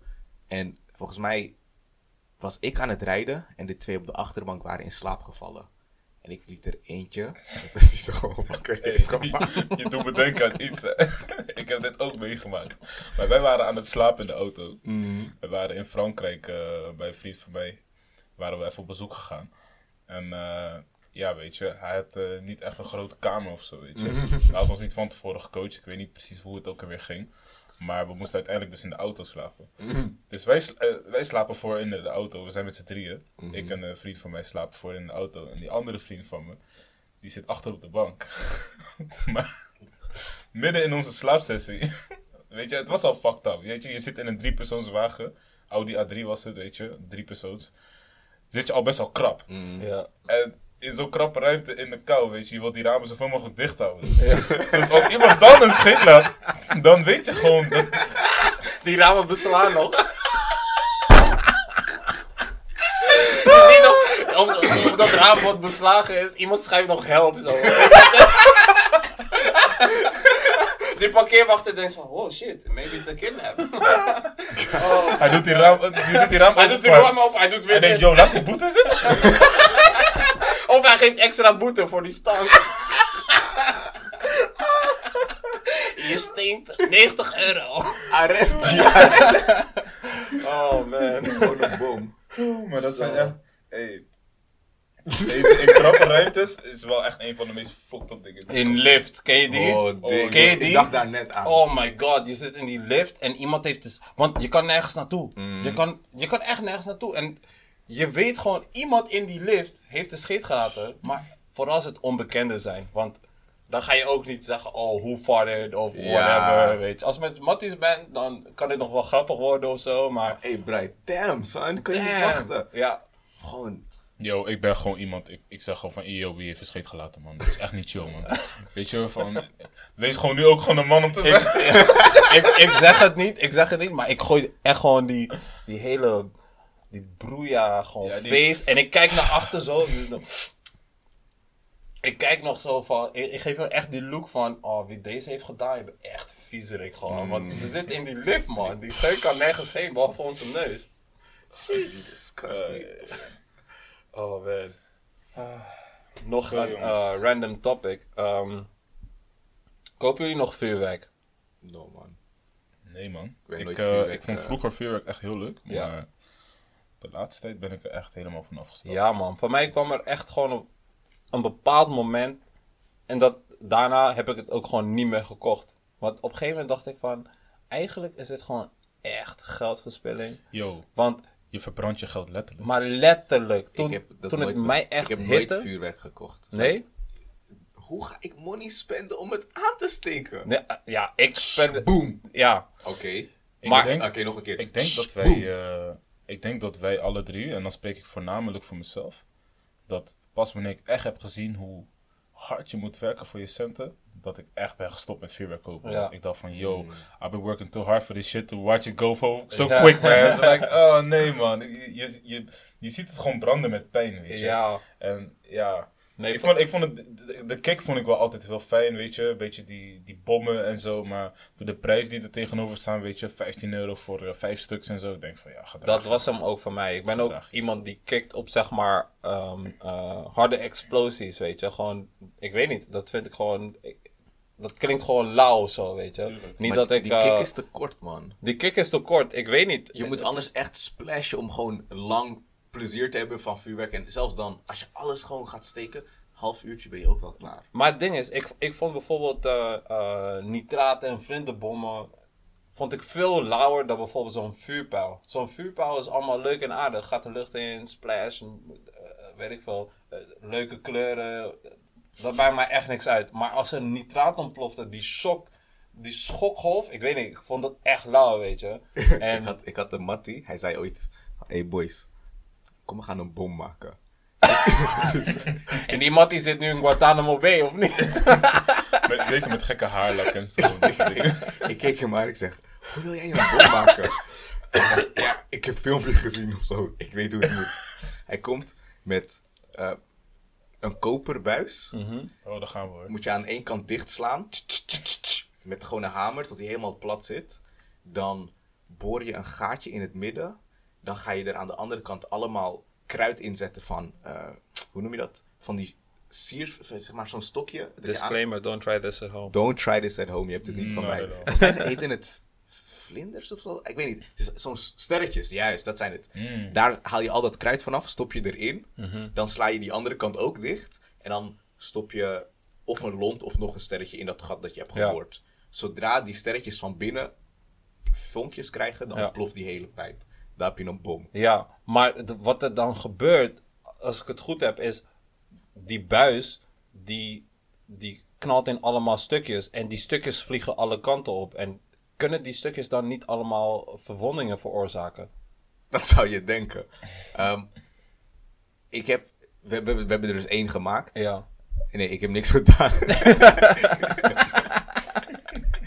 we gingen naar een bos toe. Ja. En dan gewoon in een open veld waar je wel kon zien waar het naartoe zou gaan. Of, Ja. Of er mensen langs zouden komen. Aansteken, gewoon keihard dampen en in één keer boom. weet niet of het in stukjes is gegaan of dat één kant is opengesprongen. Mhm. Ik denk dat dat logischer is, want zo'n koperen buis is best wel sterk. Ja, Maar die knal was heavy, man. dat is gek. Maar eh, daar heb je, je hebt serieus een hele middag eraan besteed. Ja, ik denk dat het maken is, dat is wel Ik een denk dat- deel van de, van de ja, fun. man, die adrenaline, dat je Want je- gewoon iets je maakt wat ge- illegaal is of Ja, zo. dus- Ja, dat, dat moet het dan wel ook zijn, man. Oké, dit verhaal was someone that is not me. Wat, Keep eh, it that way. wat, zijn, wat zijn de se- semi-illegal dingen waar je, waar je vroeger ook aan meedeed, maar eigenlijk niet aan mee moest doen? Had moeten doen. Arr. Was echt een piraat, man. vroeger. Piraat? Ja, piraat van het internet. Yo, ik ben nog steeds piraat. iedereen. Ik ben nog steeds was- piraat, man. Nee, maar ik had echt heel veel games, man. Ja? Ik had heel veel games gedownload. Ik had zeker iets van 400 verschillende titels gewoon. Ook mijn PlayStation destijds en mijn GameCube waren allebei omgebouwd. Ja. En eh, eh, weet je, daar had- kon je gewoon eh, installaties gewoon doen, weet je wel. Kon je gewoon ehm, die cd's laten burnen, gewoon via je pc. En die kon je gewoon direct afspelen op je spelcomputer, weet je. Omdat die codering is dan veranderd en zo. Op- Ja, weet je, ik had echt heel veel titels, man. En ook op pc, weet je. Ik heb echt, echt geen ene cent betaald gewoon voor die shit. En ik denk gewoon bij elkaar is het wel echt een significant bedrag, man. Ja, Wat je hebt bespaard aan wat Sowieso. allemaal aan content en zo daar. En achteraf denk ik bij mezelf van, hé, met, het, met het netwerk die ik had van mensen die niet wisten hoe dat moest vroeger, kon ik dus echt kunnen- wel business ervan maken. Weet je, maar die, ja, die mentaliteit heb je dan niet echt op zo'n jonge leeftijd, weet je. Tenzij je wel echt een, eh, zo opgevoed bent natuurlijk. Maar Er waren altijd van die mensen die gewoon, hun hossel was, ik kan cd voor je branden. 5 euro, zeg maar wat je wil. Ja, ik, down, ja, ik, ik brand het en ik heb die cd voor je. Juist. Ik had, eh, dat weet jij sowieso, en, en jij ook, we hadden altijd die muziek. Die muziek library was echt. Het was gewoon altijd hot new hip hop, hip hop early, deadpiff.com, al die websites, gewoon Mhm. al die muziek die daaruit kwam, downloaden, online zetten, naar je mattie sturen. Dat waren echt, dat was gewoon, op een gegeven moment was het gewoon bijna die hossel. Echt, weet je nog onze, onze Gedeelde Dropbox. ja, gedeelde Dropbox. Op een gegeven moment had ik er zelfs zo'n rules and regulations in gedaan. Want op- er kwamen echt random mensen die ik niet eens kende. Op een gegeven moment zaten er iets van 80 mensen in die Dropbox. En ik kende ze. Ik kende misschien eh 10, 15 van die mensen. Het is eigenlijk een hele, hele, hele primitieve versie van een Spotify playlist. Ja, man. Want het was gewoon elke week werd het geüpdate met de, de, de verste nieuwe hip-hop. En iedereen die daar eh, in kwam, die dacht ook van: Oh, dit zijn wel echt goede Ja. pokoes. Gewoon. ja, man. Ik, we ik was er zelf deel van, man. Kom Ja, man. Ik was daar. Damn. Ik had nog wel een andere topic die we moesten checken, man. Dat bloedprikken. Oh ja, bloedprikken. Oh my god, don't Yo. get me started. Dus, Laat ik eh, nu alvast beginnen. Ik ben echt bang voor Nalden, man. Ja? Ja, man. Het is echt een... eh, ik, ja, bang. Ik heb geen fobie of zo, maar het is wel... Ik, ik word zo akelig ervan. Ja, Ik ga man. super bad op dat. Weet je, als het gewoon het idee dat iets in jou steekt en het stopt fluids of haalt fluids uit je. Weet je, dat, weet je vroeger ik ging wel altijd gewoon, ik, deed wel biggie toen ik die prik nam en zo, maar in mijn hoofd, het deed geen pijn en zo, weet je. Die naald en zo doet geen pijn, maar het idee, maar ik ga daar zo slecht op. Ik, kon dat, ik kan het niet aanzien. Ik, kan het ook heel, ik vind het ook heel moeilijk om bijvoorbeeld te kijken als een van jullie bijvoorbeeld nu voor mijn neus een prik zou nemen. Mhm. Ja, dan denk ik nee man, ik schrik daar gewoon van. Big, big shout-out gewoon naar mensen eh, die dat gewoon elke dag een paar keer doen die diabetes hebben. Ja, man. Die Yo, prikken gewoon zo. elke dag gewoon een paar keer. Weet je wat? Heb, heeft een van jullie jezelf ooit moeten prikken? Nee, maar gelukkig niet. Nee. Ik heb het moeten doen toen ik mijn enkel had gebroken. Mhm. Ehm, ik zat in het gips en ik moest ook t- twee weken of zo had ik bedrust. En om ervoor te zorgen dat mijn bloed niet zou Stollen. stollen, denk ik. Of dat, in ieder geval dat ik geen trombose zou krijgen, moest ik mezelf elke ochtend een prik in mijn been Ja. geven. De eerste twee, drie keer zijn echt raar, want je ziet die naald en je weet wel hoe het moest, want je hebt het voorbeeld gekregen, maar je denkt, dan ga, ga ik mezelf echt niet gewoon stabben? Daarna is het zo makkelijk. Je pakt je been, je zo, tsch, Ta. tsch, gewoon routine, gewoon easy. Je vindt het zelfs funny als die naald in je been zit. Je denkt, ik kan mijn been nu een beetje flexen. Nee, man, maar over bloedprikken gesproken. Ehm, Chris, eh, jij vertelde eerder vandaag dat je bloeddonor was en ik stopte je gelijk. Ik dacht van, yo, ehm, hier moet je straks wat meer over vertellen tijdens de podcast. Ja, man. Dus ehm, ik heb geen naaldenfobie. Ik, vond, ik vind naalden die in je bovenarm moeten, zoals voor een inenting, vind ik enger. Maar naalden die in je onderarm gaan voor bloedprikken, heb ik geen moeite mee. Dus op een gegeven moment dacht ik van, ik ben benieuwd wat mijn bloedtype is. En ik zou op zich ook wel bloed willen doneren als ik zeg maar geschikt bloed heb of zo. Als daar mensen hulp aan hebben. Of, ja, dus toen had ik me ingeschreven. Gewoon zoeken hoe dat moet online. Boom. Eerste keer gaan ze allemaal testjes doen. Dus je krijgt zo'n naald in je arm. Komen een stuk of tussen de 6 en 10 losse buisjes in. Want ze gaan elke keer een andere test doen. Ja. En als ze daar klaar mee zijn, dan, ehm, dan gaan ze je testen. Als je goed bent gekeurd, dan word je donor. En als het elke keer dat je daar komt, eh, word je aangesloten op een machine. Eerst een klein buisje en dan een zak van een halve liter. Yo, That's it. Yo, ik wil daar niet eens aan liter. denken, man. bro, een halve liter. hè. Halve liter, bro, dat, is gewoon... Dat zijn gewoon die biertjes, weet je. Die bier is Die gewoon een halve bro. liter. En ja...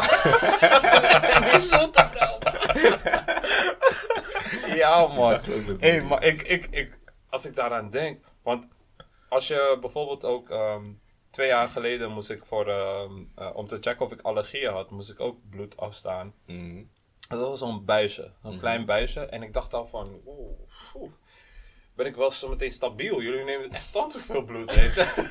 Maar echt en, maar, maar ze zeggen ook, ja, je kan een beetje licht in je hoofd voelen, dit en dat. En je voelt je ook een beetje wavy of zo, weet je. En dat is omdat je het waarschijnlijk eh, bijna nooit doet. Maar ik kan me echt niet voorstellen hoe je een halve liter bloed gewoon Kan missen. Kan, kan nee, nee, ik kan wel voorstellen hoe je het kan missen, maar dat het uit je wordt gehaald en je bent nog stabiel. Of beschrijf het even. Ik heb wel een paar van die Kan je daarna nog fietsen of zo? Of, eh, Dus wat ze doen is, ze checken eerst je bloeddruk. En dan Mhm. krijg je een klein prikje in je vinger. En dan checken ze je ijzer in je bloed. En ehm, je moet tussen bepaalde waarden zitten. Anders heb je kans dat je flauw valt. mhm. Ik ben eigenlijk altijd wel goed geweest. Eén keertje zat ik helemaal op de ondergrens. Ze zei als je 0,1 lager zat, mocht ik niet nemen. Maar nu mag het wel. Dus ik dacht, ah oké, cool Oké. ging zo nemen. Ehm, en op een gegeven moment zei ik zo van, ah, mevrouw, er komt geen bloed meer uit. Ze zei, oh ja, wacht, eh, misschien moet je eventjes eh, een beetje in een balletje gaan knijpen of zo, dat het bloed weer gaat stromen. Ja. Zij was halverwege gestopt. Nou, uiteindelijk hebben ze genoeg bloed gehad. En ze zei, ja, misschien, misschien gaat het slecht of zo. Ik zei, ja, ik zie wel. Ehm, ze geven je altijd nog wat suiker te eten. Dus Snoep, stroopwafels daar. Pak een stroopwafel. En Chris is gewoon voor die stroopwafels. Facts. Facts. Oké, hey, hou op man. Stroopwafels, love Ik, it. ben- ik vind het best wel eng wat je nu aan het vertellen bent, man. ja man, maar ga door, ga door. Ja, ga door alsjeblieft. Lekker bed Ik gaan ben zetten. gewoon rillingen. Gewoon. Ik heb, ik heb een andere die eigenlijk enger was wat dat betreft. Maar Nee, I don't want to hear that one. deze is gewoon helemaal goed gegaan. Ik, ga, ik ging daarna nog een uurtje trainen. Ik heb er niks van gemerkt. Dus het is echt, een halve liter klinkt veel, maar het is echt niet veel. Besef, jouw lichaam is van top tot teen, helemaal zit het vol met bloed. Als je jouw teen s- opensnijdt, komt er bloed uit. Jouw voorhoofd, jouw rug, overal zit bloed. Van binnen, zeg maar net onder jouw bovenste huidlaag, daar stopt het. Kill.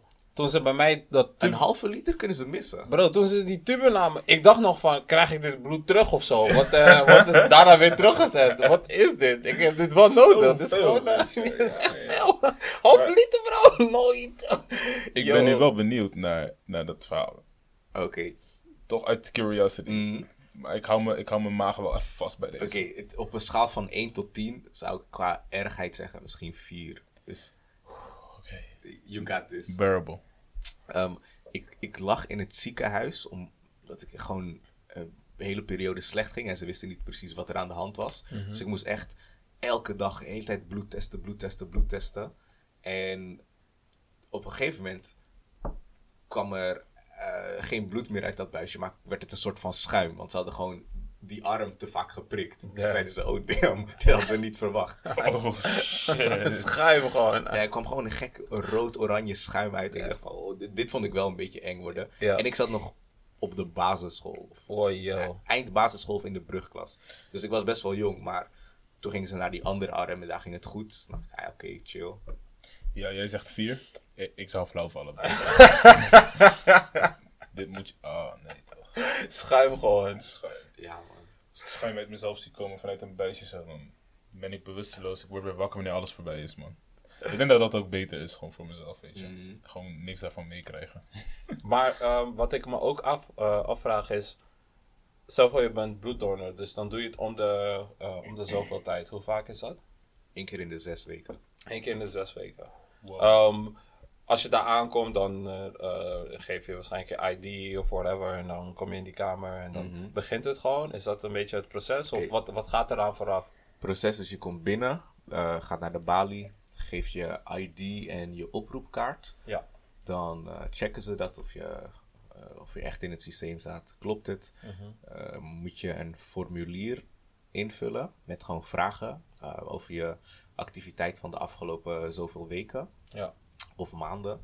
Dan kijken ze naar landen die je hebt bezocht, of je gezondheidsklachten hebt gehad, of je operaties hebt gehad, of je drugs hebt gebruikt en of je seks hebt gehad voor geld zonder condoom met mensen met HIV, dat soort dingen. Ja. Ook al, eh, daarom mogen gays in Nederland geen bloed doneren, want als, er is een vraag: heb je als man in de afgelopen 12 maanden seks gehad met een andere man? Als je ja antwoordt, gaan ze je weigeren, Ja. want de kans op HIV is te groot. Ja. Ja. Ehm, nou, ze- checken die lijst dan. Een arts die gaat dat voor je checken. Als alles goed is, eh, stelt ze je nog een vraag van: voel je je goed? Bla bla bla bla bla. Checkt ze je bloeddruk, ehm, ijzer in je vinger.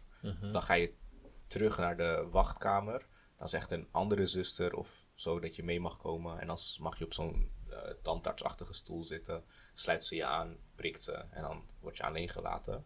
Je zit aan een machine ehm, die alles in de gaten houdt. En als er iets geks is, dan gaat het piepen. En dan controleert ze eventjes. En ja, ik zit gewoon meestal op mijn telefoon. Sommige mensen die lezen wat. Ja. Ehm, dat is voor bloed doneren. Het gaat heel snel. Ehm, je hebt ook nog dat je bloedplasma kan doneren. Het is hetzelfde proces, alleen het plasma, daar moet eerst in een machine iets mee gedaan worden voordat Ja. het uit je bloed komt. En dan duurt het 30 minuten dat je aan die machine zit. Ja. Ehm, en mensen die daarop zitten, die zitten echt gewoon. Soms hebben ze een iPad bij zich of ze lezen gewoon een boek, want ze weten ik zit hier toch nog wel lang. Dus Ja. ga me iets nuttigs doen. Maar ehm, ik kan me voorstellen, want stel je voor, hè, want er zijn ehm, eh, bepaalde ziektes waarbij eh, symptomen soms pas na twee jaar eh, naar boven komen. Er zijn bijvoorbeeld ook sommige gevallen van mensen die HIV hebben eh, gekregen. En die, die weten pas echt twee jaar later dat ze iets hebben gekregen. Ja. En eh, niet per se dat het door intercourse gaat, maar het kan ook gewoon zijn door ehm, eh, bloed wat gewoon in het systeem is gekomen, geïnfecteerd bloed. Weet jij of, er, of het bloed voordat het wordt gedoneerd aan iemand, eerst wordt gecontroleerd op allerlei ziektes en Eh, ja, daar is, daar is zeg maar dat buisje voor, dat Mhm. ze van tevoren doen. Ehm, en eh, dat wordt dus, je krijgt waarschijnlijk zit er een sticker op dat matcht met jouw zakje bloed. Ja, ja, Ze gaan eerst je buisje controleren. ja, Het zijn gewoon een paar standaardtests. Ik geloof echt niet dat ze alles doen. ja. Ehm, en als dat ak- akkoord is gegaan, dan kan je bloed meegenomen Ah, oké. worden voor het gebruik. Dat, is, Ehm, eh, dat, dus er dat zit geeft wel een soort van veiligheid Wat meer vertrouwen, ja. En daar zit dan die vragenlijst voor. Dus stel je voor, je- in Brazilië is een Zika-virus of zo. En ze Ja. weten, ze weten dat er iets mee aan de hand is, maar nog niet precies wat. Als jij zegt, ik ben afgelopen maand in Brazil geweest. Dan doen ze het gewoon liever niet. Precies. Ja. Volgens mij is de vraag, ben je buiten de EU geweest? Ja. En ehm, als je daarop ja antwoordt, moet je in dat gesprek vertellen bij welke landen. En dan checken ze in hun computer of er een verhoogd risico is. En dan word je geweigerd bijvoorbeeld. Totdat het risico weer weg is. Ja. Dus er zit wel een soort van controle, maar het kan altijd fout gaan, denk ik. Nu ik het hoor eigenlijk, ehm, ik kan me wel, ik, ik zie mezelf dat wel ook wel doen op een gegeven moment, man. Mm. Want ehm, soms denk ik eraan, maar ik heb nooit eigenlijk de tijd genomen om eh, er onderzoek naar te gaan doen, wat er allemaal bij komt kijken om bloed te doneren. Zijn jullie ik- orgaandonor? Eh, Ik weet niet, ja, ik ben wel orgaandonor. En ik weet niet eens of eh, ik bloed kan doneren. Want je, je hebt daar eh, bepaalde bloedtypes voor, toch? Ehm, Want sommige, er is één bloedtype wat je niet kan doneren, toch? ehm, volgens mij kan je met elk bloedtype doneren aan de mensen van je eigen bloedtype. Mhm. En er zijn bepaalde bloedtypen die gewoon voor meerdere mensen eh, handig zijn. Ja. Ik heb bijvoorbeeld O positief. Dus ik kan iedereen die een positieve bloedgroep heeft doneren. Ja. Eh, als je O negatief hebt, dan kan je echt aan iedereen doneren. En stel je voor dat jij in het ziekenhuis bent en ze weten inmiddels welk bloedtype je hebt, dan krijg je gewoon eh, bloed van, dat geschikt is voor jou. Als ze nog niet weten wat je hebt, dan krijg je O negatief. Want dat is wel het zeldzaamste. Ik weet nog, eh, vroeger, toen ik eh, eh, mijn eerste SOA-test had gedaan, gewoon random, ik dacht van, hé, hey, ik heb wel gewoon een beetje zitten slicen, man. Dus eh, laat me even gewoon voor de zekerheid, ik voel niks, ik heb geen symptomen of zo, maar ik dacht, laat me even voor de zekerheid even checken. En ik, je krijgt zeg maar het resultaat, staat negatief. Je denkt, huh? Negatief? negatief is gewoon zoiets wat gewoon, eh, een, een, ja, het heeft gewoon wat Een donker beeld. Ja, een donker beeld. Iets wat niet goed is. Precies, dus ik dacht gewoon, huh, negatief. Even online opgezocht, negatief is goed. Dus, Dus dan, Als je positief ziet, dan moet je gaan zweten. dan, moet je, dan beginnen de druppels al te komen op je voorhoofd. Ja, als je ja. positief ziet, dan begint die negativiteit. Juist. juist. Kijk, kijk iemand bars gewoon. Hey. Ja man, maar die... eh, gesproken over SOA-test man. Hey, je weet toch, als je die... Je denkt, als je, ik ga eventjes een SOA-test doen en zo. En eh, even controleren of het allemaal wel goed gaat daar beneden, weet je. Ja. Want ja, weet je... Je hebt gewoon die periodes natuurlijk, weet je. Dat je even gewoon die slicings en zo. En gewoon die periode dat je horse bent. dan, ga je, dan ga je toch gewoon even kijken van... Hmm, hoe zit het eigenlijk daar beneden, weet je. Dus back in the days, weet je, had ik wel af en toe gewoon SOA-testjes. En ik ja, had ik gewoon, ook gewoon een SOA-test, weet je. Pff. Dat was, de eerste keer, ja. dat was de eerste keer dat ik gelijk ook bloed ging afnemen. Weet je. Dus- Oh man. Ja, het was echt, eh was echt fire, want ik kwam dus bij die, bij die SOA-test aan en ze ging mij een aantal vragen stellen van ja, met wat voor mensen eh, heb je natuurlijk seks gehad. Een beetje, zeg maar, weet je, hetzelfde wat ze jou ook vragen als je bloed gaat doneren, weet je. Maar dan meer gerelateerd naar seksueel overdraagbare aandoeningen, weet je. En ja, iets wat mij echt opviel was dat ze gewoon ook echt bij landen ging waar... Ze vroeg specifiek ook landen waar hij het meest Ja. voorkomt. Dan zegt ze van ja, en eh, iemand uit Afrika, Ja. eh, Azië, weet je. Het is echt een guideline, weet je. Ja, gewoon van, oké, als je met die mensen seks hebt gehad, moet je je zorgen maken. zeg maar zo. Dus je je, zit sowieso, tegen, eh, dus je zit tegenover die tafel zo, weet je. En je zit gewoon een beetje mee te doen. En op een gegeven moment krijg je die uitslag van wat voor test je gaat doen. En ja, omdat ik, weet je, net een buitenlanders het had gedaan. Eh, dus zeg maar, weet je, wat in die lijst stond. Caribisch gebied. Caribisch Afrika. gebied, ja, precies toch? Ja, man. gaan ze gelijk eh, zeggen van oké, weet je wat, we gaan ook je bloed afnemen. Dus ik denk van, ho, wacht eens even, weet je. En ja, ik heb net al verteld, ik heb best wel fobie voor naalden en... Nee, nee, weet nee, je- nee, nee, nee. Voordat je daar komt, dit is echt, ik vind het echt raar. Voordat je daar komt, gaan ze eerst zeggen, oh, oké. Nou, ehm, ja, ehm, wil je ook eh, je bloed laten testen? Ik vind dat echt een domme vraag. Want als je een SOA-test gaat doen en er zijn ziektes die ze, waar ze eigenlijk alleen achterkomen als ze je bloed checken. checken, ja. Waarom vragen ze dat eigenlijk? Want wie zou dat niet doen? Stel je voor, jij gaat naar die SOA-test. Ik, ik weet niet, man. Je moet wel echt heel bang zijn van naalden en gewoon geen vak geven of je misschien Snap je? iets hebt gevangen. Ja, Dat als- je denkt Als, van, als ik het heb, wil ik het niet ja, weten. of Gewoon die. If I die, I die. Gewoon, nee. Precies, weet je.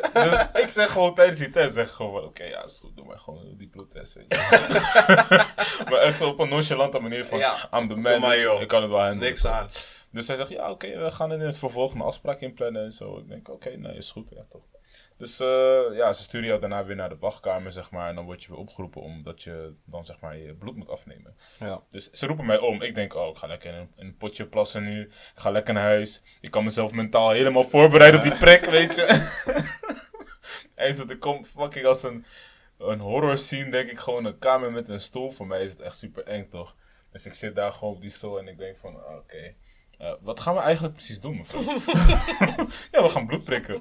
Hey, ik kreeg het gelijk koud. Ze zijn gewoon nog die handschoen aan. Je hoort nog die... Ze zijn van, zo, dat gaan we even doen. En ik, wow, wow, wow, wacht. Eh, ze zei van dat ik de volgende keer terug moest komen voor een bloedprik en zo. En eh, ik zeg, nee, nee, we gaan het nu doen. Ik heb nu een orde gegeven bloedprikken. Ik zeg, oké, eh, maar moet ik nog wat doen? Nee, nee, schiet op, want er zijn nog anderen te, te wachten. Ik denk, oh shit. dus ik moet, ik, moet, ik, oh shit. ik moet me gewoon helemaal mentaal voorbereiden. Dus ik denk, oké, kom maar. Dus hoe, ik, ik leg mijn arm daar en zij gaat met die naald op mijn huid. Op het moment dat zij contact had gemaakt met mijn huid, keek ik al om en ik dacht, nee man, niet. En ik, ik, Super voelde, ik voelde hem erin gaan. Ik dacht, nee man, dit kan echt niet waar zijn. En het ging helemaal slecht.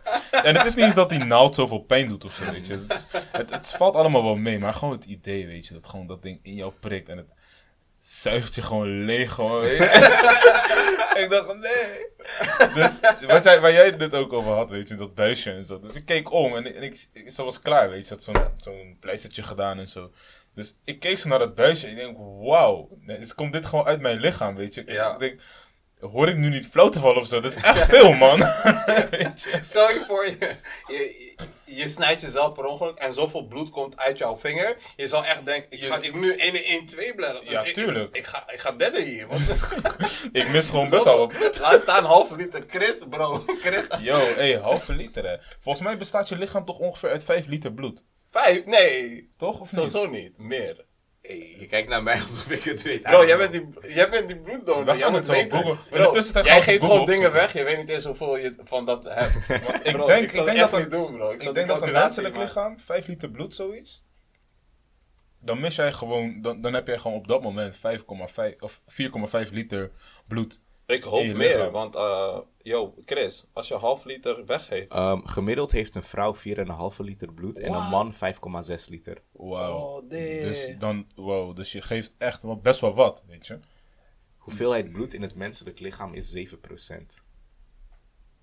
Damn. Wauw. Dat is veel minder dan ik dacht. En weet je waarom? Iedereen hoort altijd, ja, we zijn voor 80% uit water. Dus dat is wat je denkt. Ja. Maar, dit heb ik net gelezen, 7% van je lichaam is bloed. En bloed bestaat weer voor 86% uit water. Uit water. Dus, dus eh, is fake news. Aha. Zo zit het dus. Even sneller. Maar als je ook gewoon wisdom. kijkt naar het menselijk lichaam, weet je. Het- does make sense dat we uit 5 liter bloed bestaan. Want 5 liter is best wel wat, weet je. Dus Een scootertank is ongeveer 5 liter, kan je zeggen. Weet je, en dat is best wel, ja, dat is gewoon een groot, best wel een groot bakje, weet je wel. Wel een Dus, mee tank. dus ja, dat is, eh, ik zeg je wel, dat is wel echt brave, man. Ja man, Brave, respect. man. Shout out Respect. ook. Shout out eh, naar jou voor dat, man. Thanks, man. je vroeg ook net Appreciate over ehm ehm, orgaandonors zijn. Mhm. Wat, eh, hoe denken jullie daarover? Ik wilde me opgeven als orgaandonor. En in die periode gingen ze een wet wijzigen, zodat je het standaard wordt. Ja. En toen wilde ik het juist uit protest niet meer. Want ik vond het gewoon gierig dat ze in Den Haag beslissen wat er met mijn lichaam zou gebeuren. Mhm. Als ik die keuze vrijwillig had gemaakt, zou ik het echt doen. Maar nu wil ik gewoon puur uit protest dat ik het niet doe. ik, zal je, ik zal je eerlijk zeggen, ehm, mensen die eh, geen orgaandonor willen worden, die, eh, bij hun slaat het meestal gewoon in als ze beseffen bij, bij hunzelf of bij iemand die ze kennen, dat diegene een orgaan nodig heeft. Want het ding is wel zo, uiteindelijk als iemand dood is, heeft diegene die organen niet meer nodig. En dan zijn er nog wel mensen die leven. Zouden gewoon, gewoon, zijn gewoon mensen die bijvoorbeeld een, een nier of whatever nodig zegt, hebben. ga ik wel weer orgaandonor zijn. Want echt vet recent nog. Zo'n, ehm, zo'n, mijn ouders die gaan naar de kerk. En de zoon van een van de mensen die naar die kerk gaan, die had een nierprobleem. En hij had zeg maar een donornier gekregen. Dus het ging echt super slecht met hem. Hij had dialyse en allemaal shit. En door die nier heeft hij weer gewoon toekomstperspectief. Precies. Is wel Het kan lijp om te beseffen het, hoeveel het, impact dat heeft. het heeft echt heel veel impact op mensen. Want je weet nooit wie het is. En ehm, uiteindelijk heb jij dat orgaan niet meer nodig. Mm. Want je bent er niet. En het zal eigenlijk... Het klinkt een beetje alsof je gierig bent voor iets wat je toch niet gaat ja, gebruiken. precies. Snap je? Net als, eh, net als, weet ik veel, stel je voor, je hebt een mattie, hij heeft, eh, eh, hij heeft een fiets. En jij moet elke dag moet je naar werk lopen voor een half uur. En hij gebruikt die fiets niet. En je denkt van, yo, mag ik jouw fiets gebruiken? Want mijn benen doen echt pijn van al dat lopen. en hij zegt, nee, ik wil, ik wil jij niet die fiets geven. Ook al gebruik ik hem niet, dan denk je toch ook van, nou, Ja, waarom ben je zo? Is goed, fuck jou dan. Dat is misschien niet echt per se een goed voorbeeld, maar uiteindelijk, organen zijn wel echt, die kunnen echt levens veranderen. Ja. Vooral ook omdat ik, eh, eh, ik heb echt slechte ogen en ik weet, uiteindelijk heb ik ook straks een, eh, een cornea, een nieuwe cornea nodig. Hoornvliestransplantatie. Dus Hé, dat is gelijp, hè? dat is lijp, man. Dat is lijp. Dus ik weet hoe het is om te weten dat er sommige mensen zijn die hebben dan gewoon goede ogen. En als ze overlijden door iets, eh, wat natuurlijk echt tragisch is. Maar als ze overlijden en ze zijn geen donor. En ik zou bijvoorbeeld hun cornea wel kunnen gebruiken. Dan zou ik het echt jammer vinden. Omdat ze denken van nou, nee ik hou het lekker voor mezelf. Terwijl ze het niet eens gaan gebruiken. Zou ik het echt jammer vinden als dat het geval blijkt te zijn. Want er zijn gewoon heel veel mensen die ook gewoon overlijden. Omdat ze geen orgaandonors kunnen vinden. Snap je wat ik bedoel? Ja. Dus eh, ik weet niet, hoe, hoe denk jij erover, uh, Setja? Hoe ik erover denk is dat, weet je, als donor, eh, het kan, mensen kunnen verschillende redenen hebben, weet je. Sommige mensen kunnen hun past erbij betrekken. Eh, Religie ook. religi- religie ook, weet je, van hey, ik, ik ga naar de hemel, ik wil wel met al mijn bezittingen die ik nog in mijn lichaam heb, naar de hemel. Want ja, met je geld gaat, ga je niet naar de hemel natuurlijk, maar men gelooft wel dat ze met hun, Gewoon weet je, hun ziel, met hun lichaam, weet je, dat je intact moet houden. precies, dat je daarmee gaat vertrekken. Maar En, stel je eh, voor, je gaat, eh, je overlijdt, je wordt, weet ik veel, een bom ontploft. Dan heb je dat lichaam toch niet. En stel je voor, je gaat naar de hemel. Ja, in, het dat is na, in, in het hiernamaals heb je dat sowieso ook niet als het Maar door nu, zoiets je is met gebeurd. logica op geloofsargumenten. Dus Ja, ik weet, ik is weet, altijd ik weet, heel man, gevoelig, Ik weet, dat dat, botst sowieso, weet Ja, je. ja, En ja. dat is, misschien moet ik het Maar niet het zo hoeft niet eens per se maar geloof het te zijn, weet je. Het kan ook bijvoorbeeld zijn van, eh, eh, weet je, eh, iemand die bijvoorbeeld, weet ik veel, zo obsessief is met white supremacy bijvoorbeeld of zo, weet je. En hij denkt van, ja, en... eh, What if my, what if my, my, my left, hoe noem je dat? Uh, my left Kidney, eye, my left kidney goes to uh, one of those black folks. Precies. Weet je, dat, dat zal, ja, dat zijn echt. Ze zijn echt haat, toch? Ze Ja. denken van, nee, ik ga liever gewoon, ik, ik laat hem liever doodgaan dan dat ik hem een, een gezonde orgaan voor mezelf Ja, geef, weet man. je. Gewoon puur, just to prove a point, weet je. Of En, eh, andersom. Je- andersom je, ook je, natuurlijk. krijgt hem juist en dan vraag je van, hé, maar van wie heb ik deze, deze longen eigenlijk gekregen? Ja, de- hij, is, eh, hij was een blakke man, hè. You weet je. telling me this kidney is from a nigger? Oh my En god. dan pleegt hij niet zelfmoord. hij denkt, fuck deze shit. I might as well die, goddamn.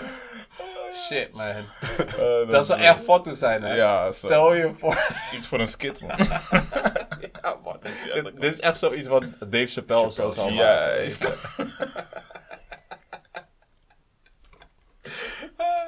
Zo. Oh, man. Ja, man. Hé, ehm Zetje, ik hoop dat je het leuk vond. Ja, man. Het was echt gezellig. Ik moet wel zeggen, dit was mijn eerste keer podcast. En eh, het was in het begin even een beetje bibberen.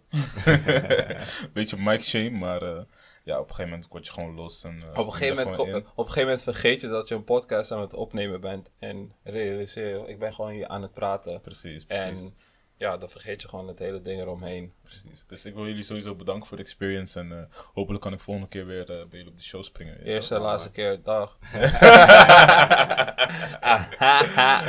Thank you for listening. Ja, man, shout out for Um, coming through. Ehm, voor alle luisteraars, normaal gesproken zeg ik aan het einde van abonneer via Spotify. Nu ga ik iets anders zeggen. Als je dit hebt gehoord, vertel aan Matty dat hij ook moet luisteren. Want wat is de fun als je het niet kan delen? Precies. En ehm, dit zijn, we praten gewoon altijd over dingen waar. Ik hoor het gewoon van vrienden die al naar onze eh, podcast luisteren. Die zorgen ook gewoon voor intense gesprekken op eh, verjaardagen en whatever. Omdat mensen ineens denken aan iets waar we het over hebben gehad in de podcast. En denken van shit, ik, wil, ik ben eigenlijk wel benieuwd hoe diegene erover denkt. En dat ze gewoon topics en Ja, man. discussies beginnen. Dus eh, share, share onze podcast, man. Ja man, en ehm, volg gelijk op social media, instagram.com slash domslimpodcast. Eh, je ziet daar clipjes van de episodes. Ga naar Spotify nogmaals, Domslim Podcast. En abonneer iets. En tot slot, maar zeker niet als minder belangrijk. Vertel het aan een. Tell a friend to tell a friend. Precies. En als je geen Spotify, geen. Als je gewoon niks hebt van streaming, dan kan je altijd ook naar anchor.fm. Dat is A-N-C-H-O-R.fm slash domslim. Thank you for listening. En Ik kan niet wachten tot ik weer op deze show kom. Dit is lit. Yes, tot volgende week. Later. You're